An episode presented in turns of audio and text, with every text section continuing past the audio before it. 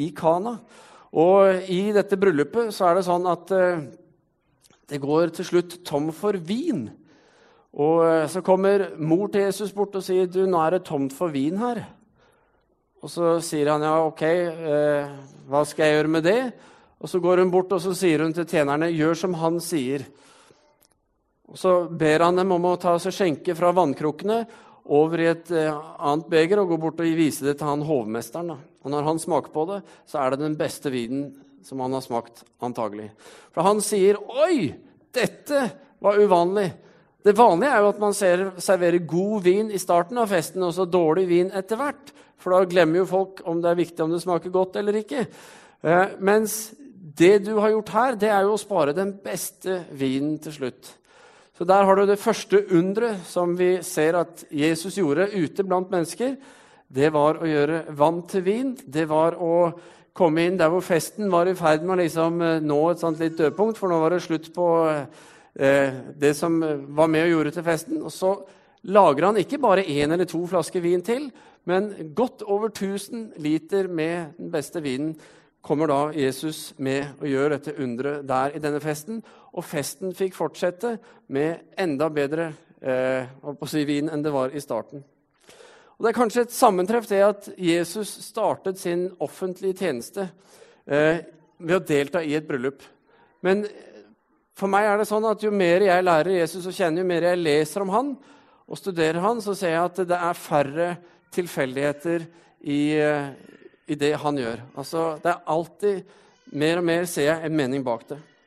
Og Hvis vi da bare tar rammen rundt teksten her, for dette er jo i starten av Jesu tjeneste Jesus han er 30 år ca.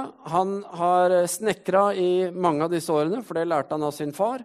Og han eh, var i ferd med å legge fra seg hammer og sag og skulle da inn i en tjeneste mer som en rabbi, som en læremester. Så han hadde et skifte der i livet sitt. Så det han da eh, gjør, er at han går og lar seg døpe av Johannes, døperen Johannes. Og så drar han på det vi kan kalle en retreat. Han drar litt for seg selv, hvor det er stille ute i ørkenen. Eh, 40 dager og 40 netter, hvor han ber og faster, står det. Og så etter 40 dager så blir han sulten. Det er godt gjort. Jeg hadde blitt sulten lenge før, men det var en artig greie der. Men det som skjer også der ute, det er jo at han blir fristet. Djevelen selv kommer og prøver å friste Jesus der ute i ørkenen. Men, eh, og han må jo vite hvem det er han frister. For det er jo ikke noe sånn derre eh, stjel en sjokolade, liksom. For å prøve å få han til å gjøre noe galt. Men det er snakk om herredømme over verden osv. som ligger i fristelsen her. Eh, men Jesus klarte å stå imot det. Og det han gjør etterpå, det er at han plukker ut de tolv disiplene. Og det Jesus har gjort fram til da i forhold til eh, utviklingen sin, er liksom ikke noe sånn derre Oi, hva er dette? Altså, det er ikke noe store greier der for en som skal bli en rabbi. At han uh, lar seg døpe, og at han faster og ber, og at han har noen disipler som følger han osv. Men det neste han gjør, er jo liksom da ikke å gå ut og starte en menighet eller å opprette en eller annen veldedig organisasjon for uh, verden og for å hjelpe de fattige, eller at han går rundt på dører og forteller om sitt syn på verden. Men det han gjør, er jo at han tar med seg disse disiplene og så drar de et bryllup drar de på en fest. Og så skjer denne historien som, uh, hvor Jesus da eh, gjør dette underet. Jeg vet ikke om uh, du vet hvordan bryllupene var den gangen, på Jesu tid. Ganske annerledes enn det det er her. Fordi vi kan kanskje invitere 80 gjester, og så kommer det 77 fordi onkel ligger hjemme og er syk. Det ene søskenbarnet ditt ligger på fødestuen og fører en unge. Og broren din han er fast nedi sør på europakontinentet pga. en askesky eller et eller annet sånt. Altså, det er sånne ting som gjør at vi ble bare 77 i dag. Men når du arrangerte bryllup på Jesu tid, så var det sånn at ok, det er en masse mennesker som er en selvfølge at kommer, og så er det en masse mennesker som kanskje kommer. Og kanskje kommer alle sammen. Kanskje kommer bare de selvfølgelig. Dette vet vi ikke. Og da, Når vi snakker om alle, så snakker vi om landsbyen. Vi snakker ikke om klubben eller foreninga, vi snakker om landsbyen. Så det kunne være ganske folksomt på disse her. Og strategien, som, hørte, som jeg nevnte fra teksten, er jo klar. Altså, Du serverer den beste vinen først, og så tar du den dårligere etter hvert. Eh, og så er jo det sånn at det som kunne skje, var at man gikk tom for vin. Og det skjedde jo da her. Og det er jo krise. I hvert fall når festen og stemningen og alt dette er på topp. Og så Oi! Lett at festen kunne gått der. Men Jesus gjør altså sitt første under. Og han eh, lager masse vin inni dette her.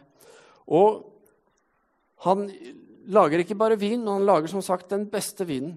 Og det er sånn at Vi kan ta ting som er bra, og gjøre det bedre. Men Jesus han vil alltid gjøre det best.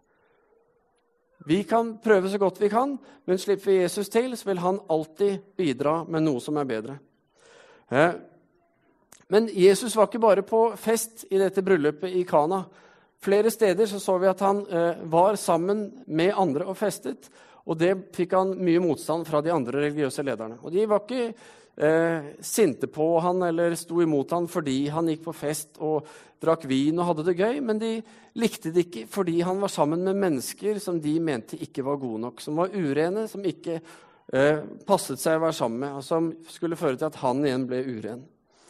Eh, og Jesus sa til dem i en av disse sammenhengene, så kommer teksten på veggen, sier han i Lukas 5, og ingen fyller vin i, eh, ny vin i gamle skinnsekker, for da vil den nye vinen sprenge sekkene, og vinen renner ut, og sekkene blir ødelagt. Nei, ny vin må fylles i nye skinnsekker.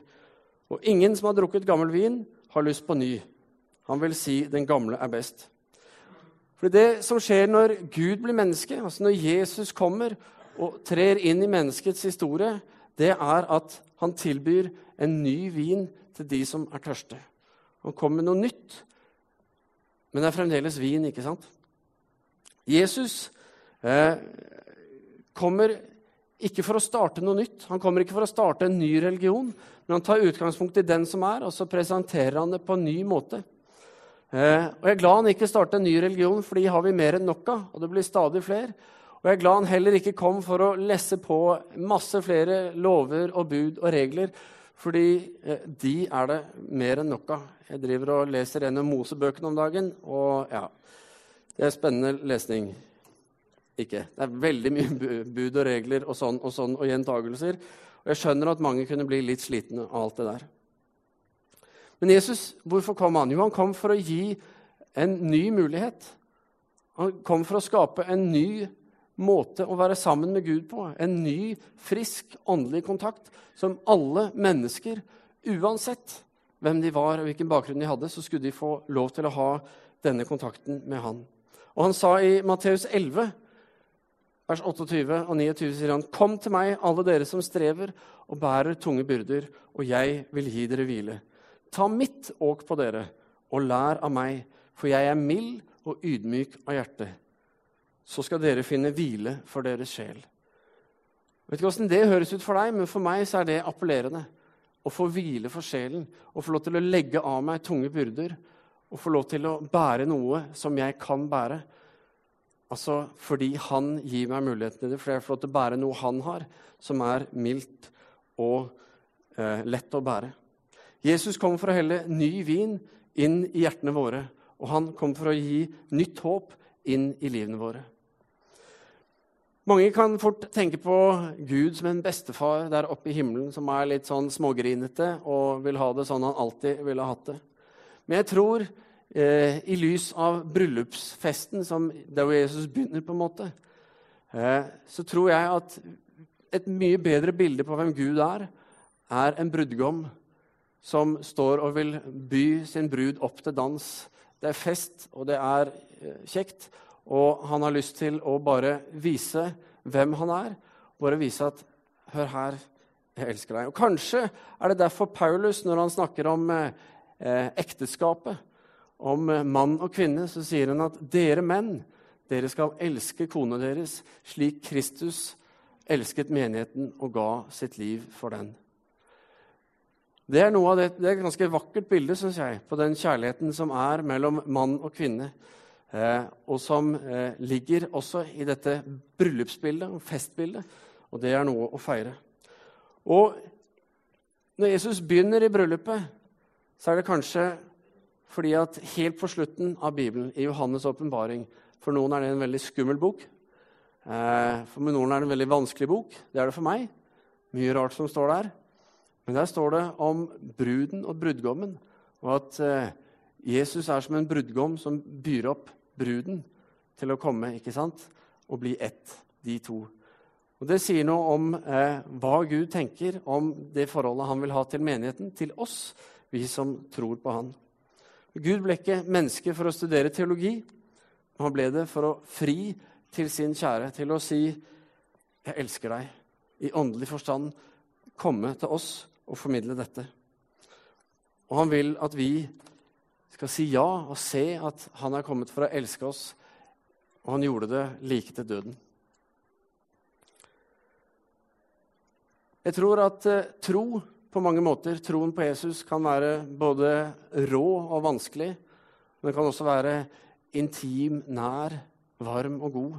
Jeg tror at eh, livet med Jesus kan være både hjerteskjærende, men kan også være frigjørende.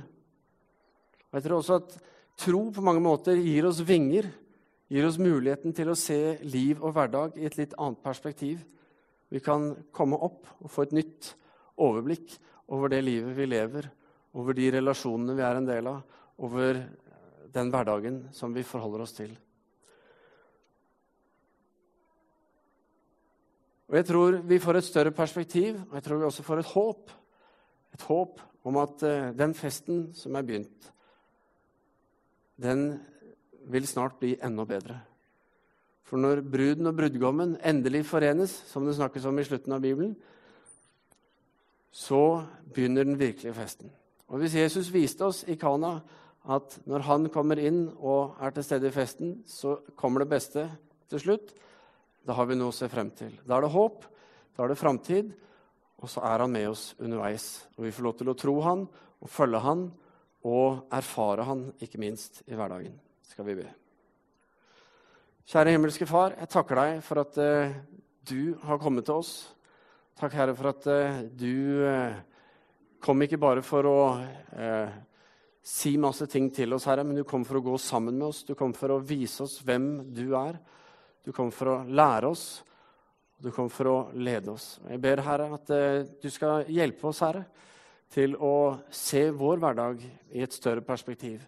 At vi skal få lov til å både se det at vi er høyt elsket av deg, og at du er inviterende, og du sier 'kom som du er'. Legg av deg det som er tungt, så vil jeg være med deg, hjelpe deg å bære videre. Takk, Herre, for at eh, du alltid har det beste i eh, dine øyne, Herre, i forhold til hva gjelder oss. At når vi kommer til deg, så får vi oppleve at eh, du setter oss fri, og at du viser oss eh, hvordan livet er.